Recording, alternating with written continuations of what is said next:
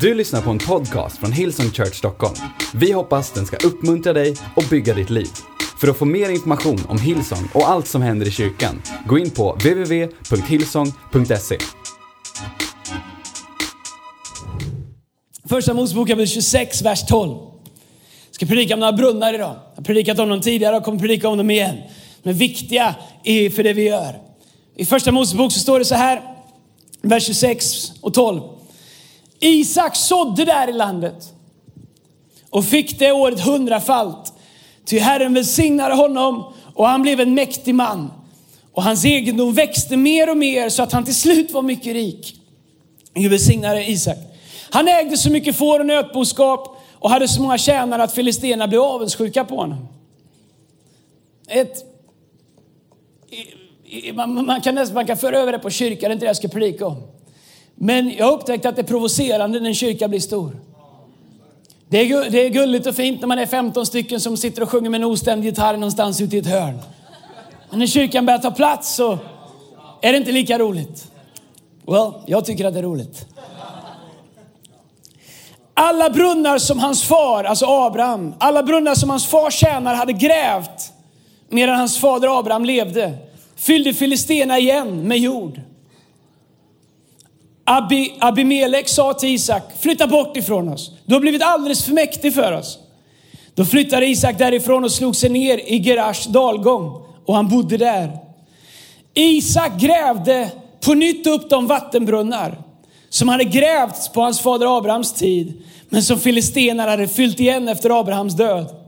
Och han gav dem samma namn som hans far hade givit dem. När Isak tjänare grävde i dalen fann de en källa med rinnande levande vatten.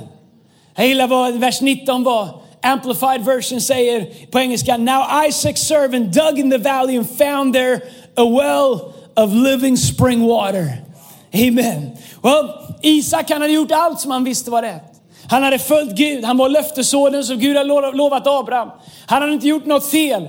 Men Gud välsignade honom så mycket för att han gjorde det som var rätt. Att helt plötsligt börjar människor säga, du tar för mycket plats. Ni är för, ni är för många. Ni, ni har, du har för mycket får, du har för mycket kossor, du har för många möten. Nej, det sa de inte, det säger de om oss. Ni, ni, ni, det, det, tar- det tar för mycket plats. Vi, vi tycker inte ni ska vara här. Eh, ni måste anpassa er lite efter Filistena. Filistena, de representerar inte det som Gud hade sagt. De representerar inte det som, eh, vem Gud var, eller Guds, eh, liksom, så som Gud hade sagt att vi skulle leva för, att det skulle gå väl för oss. Där de valde sin egen väg och nu hade de kritik mot Isak. För att Gud välsignade Isak, för att Isak följde Gud. Filisterna var så störda på Guds välsignelse att de hade grävt igen brunnar som Abraham hade grävt. När man gräver brunnar för att folk ska få vatten. Abraham och Isak hade varit fokuserade på att alla skulle bli välsignade. Så man hade grävt brunnar som var till nytta för alla. För alla människor, för allt boskap och för alla. Bibeln säger i Jeremia 29 att, att vi ska söka att vi ska söka den plats väl dit Gud har fört oss. Att vart vi än är ska vi söka den plats bästa. Om det är på jobbet, sök det bästa där. Gör ditt bästa. Vår intention är att vi ska vara de bästa där, att vi ska söka att folk som arbetar där ska må bra, att företag ska gå bra. Att det ska... Bibeln säger att det är ett sätt som människor ser Gud i hur vi är. Abraham och Isak hade gjort det. Kommer filisterna och säger, det här är inte bra, ni är för stora. Ni är för välsignade. Så, Abra- så Isak flyttar därifrån. Men så gör Isak något som är fantastiskt. Han återvänder till de brunnarna som inte gav vatten längre. Som Abraham en gång hade, hade grävt, som filistenar hade fyllt igen. Så som vi ofta är frestade att göra. Det där med att Gud helar, är det, är det verkligen sant fortfarande? Ska, är det inte dags att fylla igen den brunnen lite grann? Det där att Gud kan ta någon som är liksom nedräkning på 9-10 och vända det i ett ögonblick och ge dem en nytt hopp och en ny framtid. Och lyfta dem upp ur deras djupa dy och sätta dem på en fast klippa. Kan det verkligen vara så enkelt? Ska man inte behöva bevisa lite grann? Ska vi inte, ska vi inte fylla igen den brunnen? Det där ni pratar om att Gud kan förvandla generationen inte det för mycket? Är det verkligen en brunn som är på riktigt? Och omgivningen kommer hela tiden utmanas och fylla igen brunnar som Gud har sagt ska ge vatten in i våra liv. Det där med att läsa Bibeln varje dag, är det så viktigt? Och det är absolut inget tvång. Men Bibeln säger uh, att människan ska inte leva bara utav bröd utan av varje ord som utgår från Guds bröd. Vi kan, vi kan säga det är väl inte så viktigt längre att läsa Bibeln. Och ska vi börja fylla igen brunnar, till slut undrar vi, hej varför har jag inget vatten? Det här med att tala väl om andra. Oavsett vem du är med. Oavsett hur kristet vi får det att låta. Bibeln säger att det är fel. Måste man bara tala väl? När du kan fylla igen den brunnen. Men när vi börjar fylla igen de här brunnarna som Gud har kallat oss att ha så är det inte konstigt när vi tycker att vattnet börjar tryta. Det finns brunnar som Gud har kallat oss att dra vatten ur, som alltid kommer ge liv, som alltid kommer välsigna oss. Och det spelar ingen roll hur visset är runt omkring oss, så har Gud sagt att våra liv kan grönska. Om jag än vandrar i dödsskuggans dal så fruktar jag inget ont. Du leder mig, du för mig till gröna ängar, du för mig till vatten där min själ finner ro. Ni undrar varför jag går lite styltigt, jag har fått mitt diskbråck igen. Men jag helar i Jesu namn. För jag har inte stängt den brunnen. I Jesu namn. Come on. Men jag ska predika med hel här oavsett om vi ska hålla på hela dagen. Isak han hade gjort allt som han visste var rätt. Men han hamnade i en öken där det inte fanns något vatten. Han kunde satt sig ner och sagt, det finns inget vatten här. Det var bättre där vi var förr, det fanns det vatten. Det var bättre där jag var innan, det fanns det vatten. Men du förstår, Isak han har en annan ande.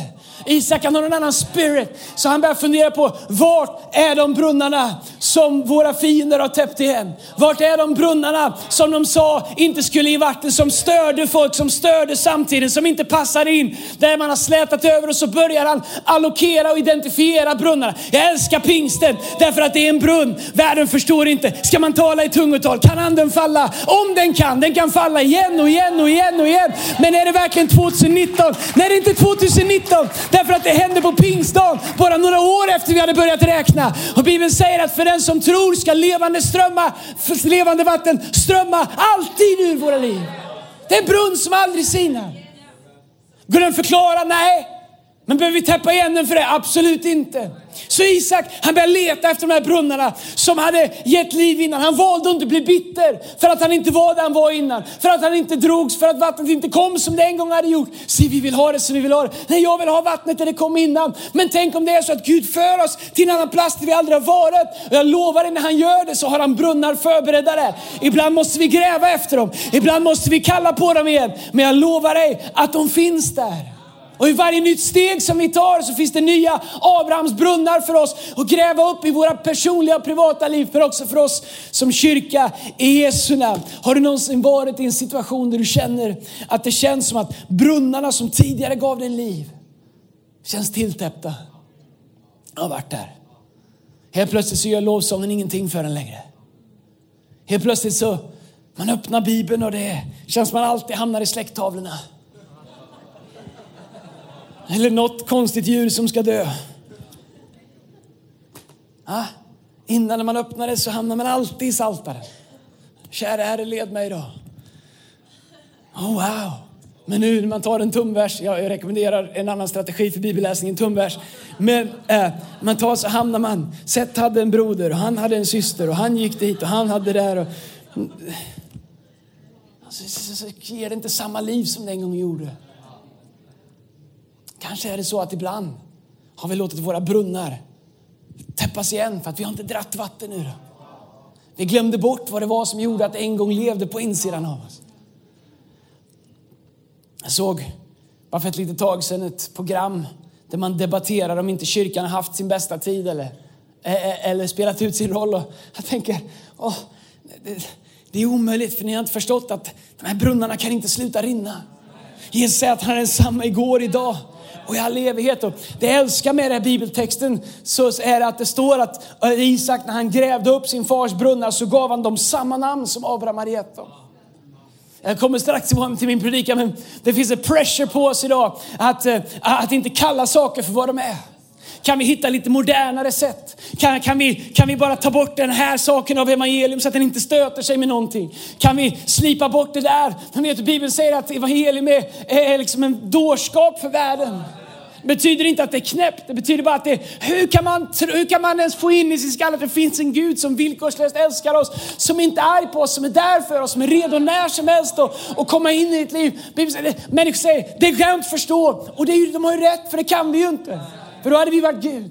Det vill säga att det är en dårskap för världen, men, det, men, men för oss som har funnit den så är det Guds kraft till frälsning. Vi är en kyrka som aldrig kommer byta namn på det som Gud har satt namn på. Så jag tror att vi går in i en säsong där Gud kommer kalla oss att gräva upp brunnar. Både eviga brunnar som Gud har kallat oss till. Brunnar av helande, brunnar av befrielse, brunnar av genombrott, brunnar av, av välsignelse, av personliga genombrott och favör. Men också brunnar eh, i, eh, för, i våra, i, i, för oss som kyrka. Och för dig privat. I ditt liv, i ditt äktenskap, i din familj. Är det för brunnar som du tidigare drog vatten ur ditt äktenskap som du har slutat göra? Om det inte finns något liv där så kanske du behöver titta på vad är det för brunnar som behöver gräva upp igen. I Jesu namn. Så världen vill alltid erbjuda oss en anpassad brunn. Ta den här istället, den är mer tidsenlig. Jag inser ibland när vi kommer upp och säger, come on church, come on, come on låt oss lyfta våra händer till Gud. Lovsjunga honom. Tänk om någon kommer in, står här. Jag vet inte vilken stil du har. Eller hur du har. Gunga bebisen, snurra frisbeet, byta glödlampor, läxan. Jag vet inte hur, hur du gör det, men det är It's crazy. Så länge man inte är på fotboll, då är det normalt. Vem satte namn på de två sakerna? Vem sa att Liverpool, normalt. Leksand, normalt. Kyrkan, ja, du gör övergrepp på mig. Du forcerar mig nu. Nu känns det inte bra. Du sa jag skulle lyfta. Man måste ju inte lyfta händerna. Man måste inte be, man måste tro. Så, så det är inte det att liksom det känns bättre om vi gör det. Men tänk om det är så att det finns en brunn att dra ur. Där vi ibland måste göra någonting som vi aldrig gjort för att få någonting som vi aldrig har fått. Kanske om det är så. Sorry, jag är på sånt humör, men tänk om det är så. Att för en del av oss får självklart lyfta våra händer till Gud. Just nu är, men nu är det inte det längre. Varför? Man måste inte det. Så det är inte så att du kommer före till himlen och lyfter dina händer. Det är inte det. Kanske älskar vi att öppna vår bibel. Kanske älskar vi att berätta för människor vad Gud har gjort i vårt liv. Kanske älskar vi att leta efter, vet du vad vår kyrka var krym på när vi startade och som finns i våra DNA. Att leta efter människor och välsigna. Leta efter människor och göra en skillnad oss. Det, det, att när man, kanske du köper en tröja och du hittar, du tittar inte, den, den köper en tröja. Om du köper en tröja, en skjorta eh, utan krage. Jag vet inte, jag kände att det måste jag köra. Någon gång måste man ha den. Eh, men så köper du en skjorta, den här är ju grym, den här ska jag köpa.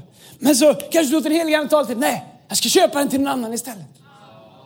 I know, it's out there, sorry att du kom idag. Och så köper den till någon annan istället. Varför? Är det som man, måste man göra Nej, det måste man inte göra. Men tänk om det förlöser någonting i ditt liv. Om det var enkelt att göra det innan, varför har det blivit svårt att göra det nu? Vi borde vara människor som hela tiden letar efter opportunities och låta vattnet i våra liv rinna. Okej, okay, så här är det. Så tillbaka till predikan. Jag har fyra brunnar. Har talat om dem tidigare som jag tror är ett mandat för vår kyrka och se till att de alltid flödar. Och när de gör det så kommer det alltid välsigna våra liv privat, våra familjer och vår kyrka. Eh, brunnar som fortfarande har samma namn 2019. Eh, våran stad är full av människor som lever uttorkade liv. Om vi inte har vatten att ge dem så har vi ingenting att ge dem. Det här räcker inte. Det finns folk som spelar bättre, som blinkar bättre och som kan hålla, hålla en monolog bättre. Men jag kan lova dig en sak som bara kyrkan har, som bara Gud har. Och det är vatten som kan släcka den törst som varje hjärtas själ bär på. Och om vi har det så har vi allt vad den här världen behöver och som människor behöver. Johannes kapitel 7, vers 37 så står det, på den sista dagen, den största högtiden stod Jesus och ropade, om någon törstar, så kom till mig och drick. Den som tror på mig, ur hans och hennes innersta ska strömmar av levande vatten flyta fram. Som skriften säger. All right, det är en annan predikan som är underbar, men här är vad den säger. Att vattnet har Gud tänkt att det ska rinna inifrån oss. Det är inte tanken att vi för evigt ska vara beroende av andras vatten. Det är inte ens kyrkans jobb att hålla igång din relation med Gud. Det är inte mitt jobb att se till att du är glad och nöjd. Det kan bara en helig ande göra. Det är inte så att jag menar att det krävs en Gud för att hålla dig glad, men lite så. Och mig också. Det, det är inte Hillsons jobb att hålla dig lycklig. Det är, inte, det är liksom inte organiserat kristendomsjobb att hålla dig liksom, eh, liksom in good faith eller in good spirit. Det kan bara det här levande vattnet göra. Det är inte min frus jobb att hålla mig lycklig. Det är Guds, det är hans vatten som kan se till att det lever på insidan av mig. Och jag måste se till att min källa ger liv, att min källa ger vatten. Jag måste fightas för att allt som vill grumla vattnet, allt som vill lägga sig där, allt som vill täppa till den försvinner. Och tro mig, det finns saker som vill i det där hålet, jag lovar dig. Både saker som man kan rättfärdiga och saker som man inte kan rättfärdiga. Men jag har lärt mig en sak. Om jag låter saker täppa till det oavsett varför det är där, så är det mitt vatten som slutar att sina. Därför är det bättre att leva med en polande källa. Se till att det här levande vattnet hela tiden ger oss det liv som vi behöver. Därför att Gud har lovat att om någon är törstig ska han komma till mig och ur hans och hennes inre ska levande vatten flyta fram. Om du är här idag och känner att du längtar efter det här vattnet, come on! Låt källan påla igen, öppna upp ditt inre igen. Strunta i vad någon sa, strunta i vem som gjorde vad. Strunta i vad du har förlorat i liv, strunta i vilka motgångar du har gått igenom. Låt vattnet sätta dig fri igen. Låt källan ge dig liv igen. Låt det som en gång flödade få börja flöda igen. Därför att det är därifrån allting kommer. Om ni håller på så här så kör vi rakt in i söndagskvällen. Come on City, var lite excited som de är här i norra. Jönköping, och Göteborg, Örebro, vart vi är. All right. Well, om vi inte dricker ur de brunnar som Gud har kallat oss så kommer inget annat räcka. Fyra brunnar som Gud kallar oss att gräva upp. Nummer ett, brunn nummer ett, bön. Matteus 7, vers 7 så står det så här, be och ni ska få. Sök och ni ska finna, bulta och dörren ska öppnas för er. Ty var och en som ber, han får, och den som söker, han finner. Och för den som bultar ska dörren öppnas. Kristna livet är inte forcerande, men det är framåtlutat. Det är inte forcerande. Bön handlar inte om hur mycket du kan forcera dig eller mängden, men det är framåtlutat. Bibeln säger att det finns någonting som vi gör, så finns det något som Gud gör. Bibeln säger att be och ni ska få. Jakobs brev säger ni får inte för ni ber inte. Jag säga att, att, att skicka en suck och en önskan, det går bra också. Men ibland så behöver man be. Bibeln säger att våran bön är mäktig. Jag citerar till dig, Jesus allt vad ni binder i himlen ska vara bundet på jorden. Allt vad ni löser i himlen ska vara löst på jorden. Våran bön har makt. Mycket mer än någonting annat som vi har. Om du har en situation som du inte vet hur du ska hantera, be, be för den. Be igenom den. Om du har någonting i ditt liv som du inte vet vad du ska göra med, be igenom den.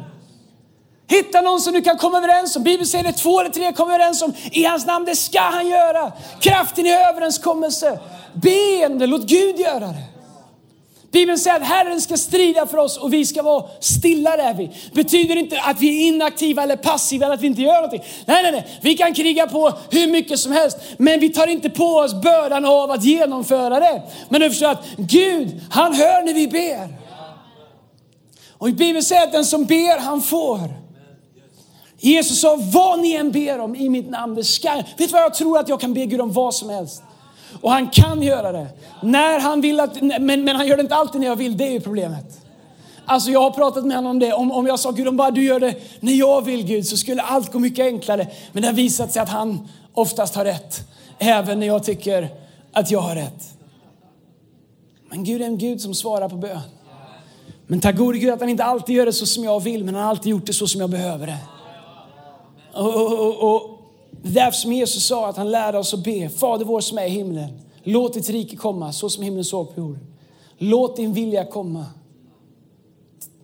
Att vår, hela vår bön börjar med Gud. Jag ber utifrån din vilja, vad du vill. Men det innebär också att jag är villig att acceptera, villig att och, och, och äga det som Gud kallar mig till att göra. Och ibland så är det att gå och förlåta någon. Ibland så är det att gå och välsigna någon. Ibland så är det att gå och göra någonting. Ibland så är det att försaka någonting under en period för att göra något annat. Ibland så är det att stretcha mig utanför min comfort zone. Jag har upptäckt en sak när jag börjar be, att Gud kommer alltid börja be, be mig göra saker. Kanske är det därför vi ibland inte ber mer. För att vi vet vad det kommer leda till. Måste, jag älskar alla och det där. Och Svårt att be för, be för någon att vara arg på dem.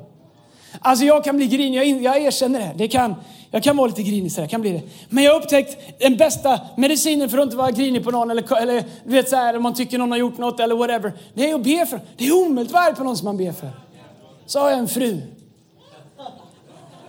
Som är så tålmodig och så godmodig. Så tycker vi ska be för det. Alltså. Så kan jag inte vara arg på dem längre. Men vet du vad som händer när du ber? Du sätter dig själv fri. Du kan flytta på berg. Vet, ibland vill Gud, åh jag önskar att vi hade mer tid. Ibland använder Gud oss till att be för saker vi inte har en aning om. Har du varit med om det? När Gud kallar in i bön. Inte bara Gud som haver kära barn, eller Gud som haver barnen kär. Det var ett tag sedan, mina barn är stora nu. Gud som haver barnen kär. Utan när Gud kallar in i bön och du ber, jag vet inte ens vad jag ber för. Men jag känner, jag, det är någon jag krigar för idag. Jag vet inte vem det är. Kanske när du kör bil och Gud leder in och du ber, hej låt Gud använda dig. Låt Gud ta de där minuterna i bilen eller den där timmen på morgonen eller vad det än är. Låt Gud använda dig och be därför att det är en brunn som alltid kommer ge vatten i våra liv, i våra familjer, i våra connectgrupper. Se till i våra connectgrupper, Vi älskar när vi, när, när vi hänger och vi äter och gör tillsammans. Men vet du vad? Vi har också connectgrupper som lite nu och då inte är rädda för att säga hej, nu behöver vi ta en stund och be tillsammans. Därför att nu har vi några vi behöver be för. Den behöver bli välsignad, den behöver bli helad. Det äktenskapet ska bryta igenom. Därför att Bibeln säger att mycket förmår en rättfärdig man och kvinnans böner den bedes med kraft och med tro. Vi är en kyrka som tror att bön, det är det viktigaste av allting som vi har och det finns en kraft i det vi gör. Brunn nummer två, som vi behöver se till att den alltid är uppgrävd, det är det övernaturliga. När jag inser att det, eh, det inte alltid är sökarvänligt och 2019 kompatibelt. Men vet du vad? Om det här med Gud inte vore övernaturligt, då vore det ju kass. Eller hur? Det är klart att man vill att det ska vara övernaturligt. För Gud är övernaturlig. Men vad innebär det? Att han är freakad, att han flyter omkring liksom. Som i Ghostbusters. Nej, det innebär att vi är naturliga, Gud är övernaturlig. Vi har naturliga gränser, naturliga barriärer. Vi har naturliga, liksom, vi, vi kommer till en viss gräns, vi, vi kan röra oss i det naturliga. Gud han är naturlig, men sen är han också övernaturlig. Därför att Bibeln säger att han är utan början, utan slut. Han har ingenting omöjligt för Gud. Så Gud är övernaturlig. Johannes 14, vers 13 står det, vad ni än ber om i mitt namn, det ska jag göra. För att Fadern ska bli för att Fadern ska bli förhärligad i Sonen. Och om ni ber om något i mitt namn skall jag göra det. Så Bibeln säger att Jesus han vill göra det vi ber om för att förhärliga Fadern. Han säger varje gång vi ber om någonting som är mer än det som är naturligt, säger han bra. Det här är ett opportunity för mig att Fadern ska bli förhärligad. Att, Gud, att människor ska få se hur stor Gud är. Så när vi tänker, kan jag verkligen be om något så stort? Kan jag verkligen be om något så övernaturligt? Så tänker Jesus, kan du inte be om mer? Kan du inte be om större? För då kommer Gud bli ännu mer ärad. kommer människor se hans storhet ännu mer. Så Gud, det är aldrig så att Gud sitter där på tronen och håller i sig för att vi ber för stora böner. Oh, nu gungar det rejält. Nu har, nej, jag kan tänka mig, Gud, att det måste vara supertråkigt. Käre Herre, inte mer småländska. Käre Gud. Låt mig vinna på Triss. Triss. Ah. Alltså Gud hade tråkigt en dag att skapa himlen. Jag vet inte om han hade tråkigt men förstå. Nej, eh, låt oss vara en kyrka som inte är rädda för att be stora böner. Men vet ni vad? Låt oss inte vara en kyrka som ser ner på människor som ber stora böner. Låt oss inte vara en människa som lägger vårt mänskliga förnuft på människor med stora drömmar eller stora böner. Se till att när ni träffar ungdomar och whatever vad det är som drömmer. Vet, ni vet det här liksom man har blivit lite äldre. Jag är 43, 44 år i år. Så kommer någon och säger jag vill bli pilot. Jag vill direkt förklara för dem hur länge man måste gå i skolan. Eller hur svårt det är. Och jag vill bli läkare och specialistkirurg. Ja, vad bra. Hoppas du ser fram emot 35 år i skolan, efter skolan, andra skolan. Eller hur? Du, du vet, så här, vi har en förmåga hela tiden. Mm, ja, oh, kanske, men Gud han har inget sånt i sig. Så, Va? Vill du bli astronaut? Det är grymt! Klart du ska till rymden. Det är magiskt. Han tycker det är underbart. Han, har han ser bara möjligheter. Är det sant? Vill du bli helad? Går det bra idag? Idag går bra. Fantastiskt. Gud, Gud han ser bara möjligheter. Bibeln säger att han är bara ja och amen. Allas löften har fått sitt fullbordande i honom. Så han sitter bara och väntar efter, kan någon be en stor bön så vi kan få göra någonting här idag? Jag vill att vi ska vara en kyrka som tror på det övernaturliga. Vet du vad jag tror? Håll i nu allihopa. Därför att jag tror att vi har aldrig varit närmare att få vår egen lokal i city. En dag, yes, clap it up. En dag kommer vi ha våran byggnad i city. Lyssna på mig City Campus, jag är hos er nästa vecka. En dag kommer vi ha våran byggnad i city. Som vi kan ha, göra vad vi vill i, när vi vill. Vi kan ha möten när vi vill. Vi kan prisa Gud hur högt vi vill, hur länge vi vill. Vi kan sjunga vilka sånger vi vill. Vi kan, göra, vi kan ha hur mycket ungdomar vi vill. Vi kan ha möten på fredagskvällar för ungdomar. Vi kan ha ledarträning, vi kan ha interns. Vi kan, ha, vi kan göra allt varje dag i veckan. Och då är det bara så här. Det är väldigt dyrt.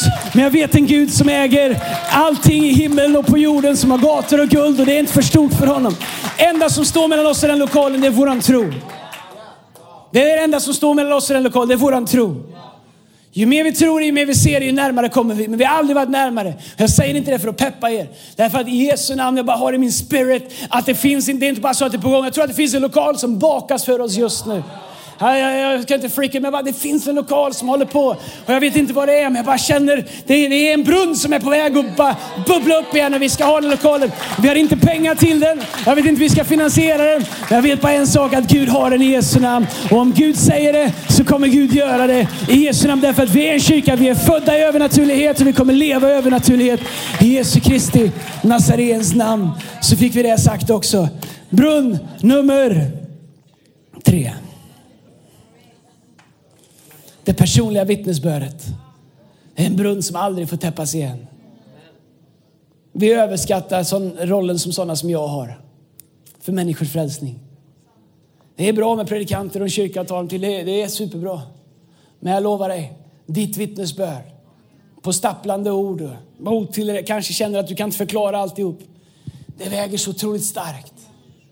Eh, eh, jag fick det här vittnesbördet om eh, och jag kan inte gråta nu för de har tagit på mig sånt här eh, ska blänka. Makeup heter det. Eh, men jag fick Robins vittnesbörd igår och jag tittade på det och eh, man, det är svårt att titta på utan att gråta. Det är svårt att, att, att veta och tänka, det här är hans story. Att en dag så blev han inbjuden och han kom till Summer Camp och det förvandlade allting. Och två år senare så stod han och fick fem minuter. En session så fick fyra ungdomar fem minuter var och predika. Jag tror att det var tre eller fyra ungdomar. Och berätta sin story. Och, och se honom där i somras stå där och veta var han kommer ifrån och veta vad han har gått igenom. Och dela sitt vittnesbörd. Nej, det är omöjligt. Det är, det är bara att gå och lägga sig i ett hörn och ta med ett badlakan och grina. Det är helt outstanding. Men vet, hans story är inte bättre än din story. Du kan komma från ett pingsthem där du hade knut i nacken och lång kjol och aldrig hade makeup, aldrig kollat på bio, aldrig kollat på fotboll och följde alla lagar som finns. Men vet du vad? Din story, det Gud har gjort i ditt liv är lika starkt ändå.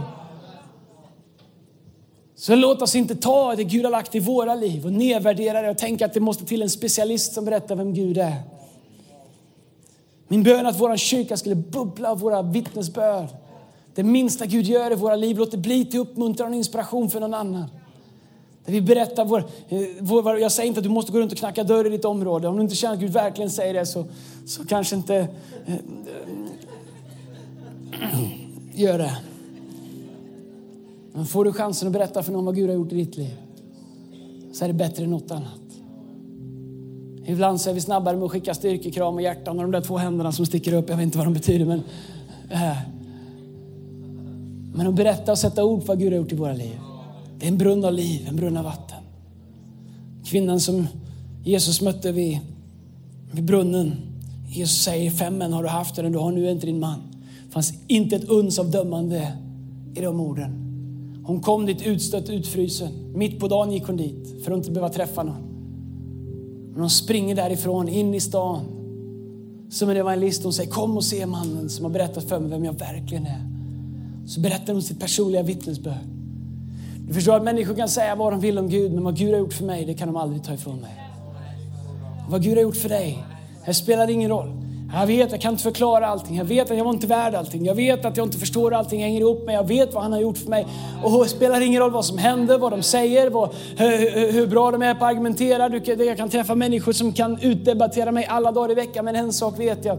Jag säger som pojken i Johannes kapitel 9 när de försökte förklara, som jag predikade om för ett tag sedan här, som, när de, som Jesus helade genom geggamoja och, och fariséerna sa, var han verkligen blind? Och var jag verkligen så? Föräldrarna ville inte bekräfta om det var deras pojke eller inte och de håller på med alla till slut frågar de pojken hur var det och frågar om Jesus verkligen var Guds son och profet. Pojken han är så trött på allas diskussioner och säger, jag vet inte vad han är, jag vet bara jag var blind men nu kan jag se.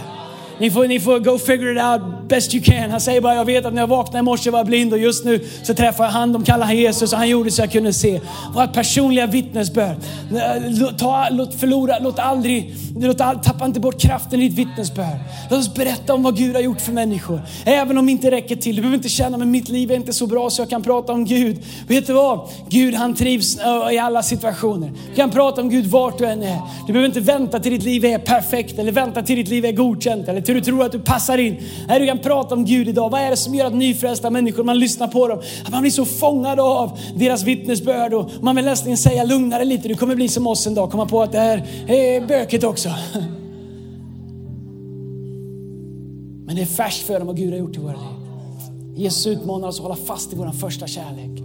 Min bön är att vi skulle göra det, att du skulle göra det. Inte perfektion, men din första kärlek. Tänk att Gud gjorde det för oss. Tänk att Gud gjorde det för mig. Tänk att han gjorde det för dig. Om Gud gör det för dig och för mig så vill han göra det för alla människor. Det är en brunn i vår kyrka, vårt personliga vittnesbörd. På brunn nummer fyra, sista brunnen av många för idag. Uppoffringar. Inget värdefullt i våra liv kommer utan kostnad. Och Isak grävde upp Abrahams brunn.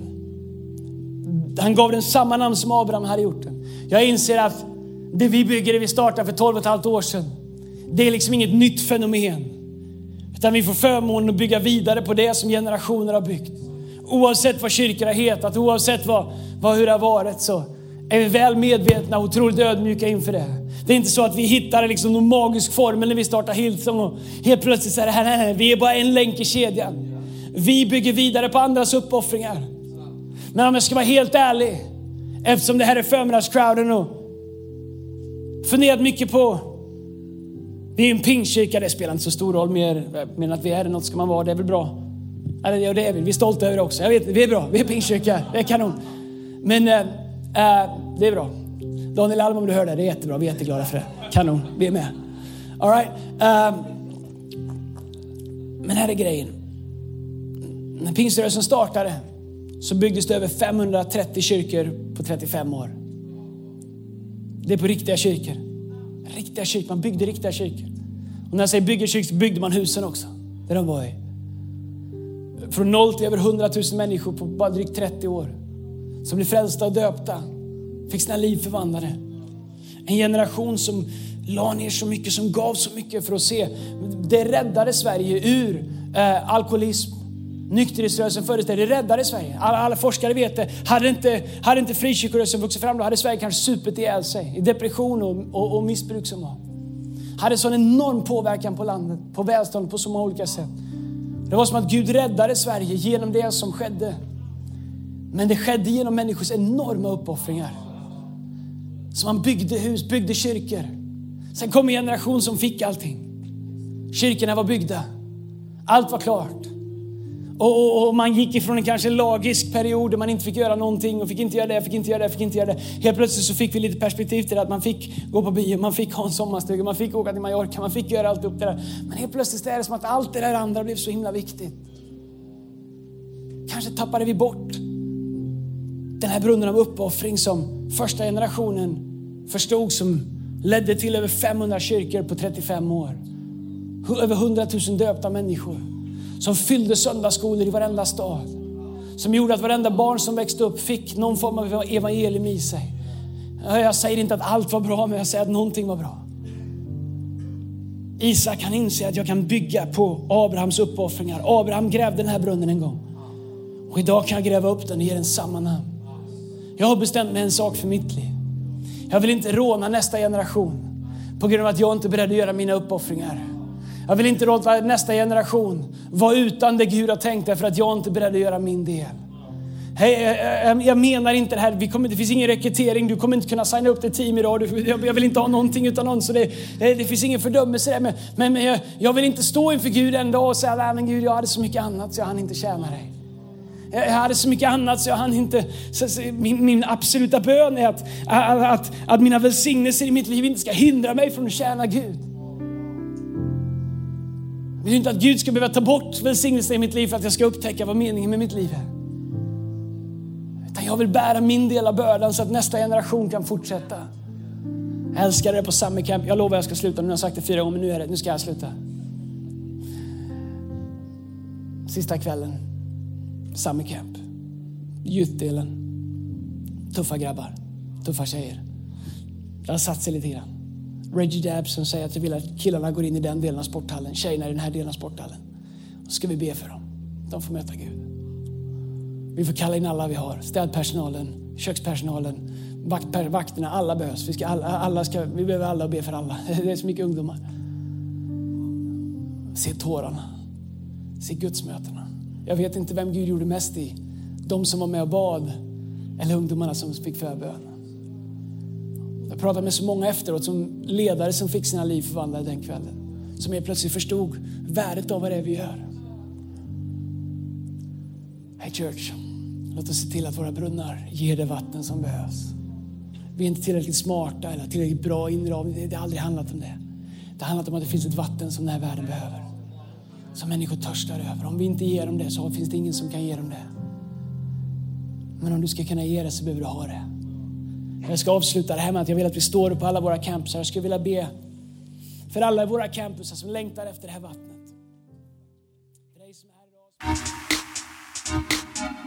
Du har lyssnat till en podcast från Hillsong Church Stockholm. Om du vill veta mer om vår kyrka eller om våra söndagsmöten, surfa in på www.hillsong.se.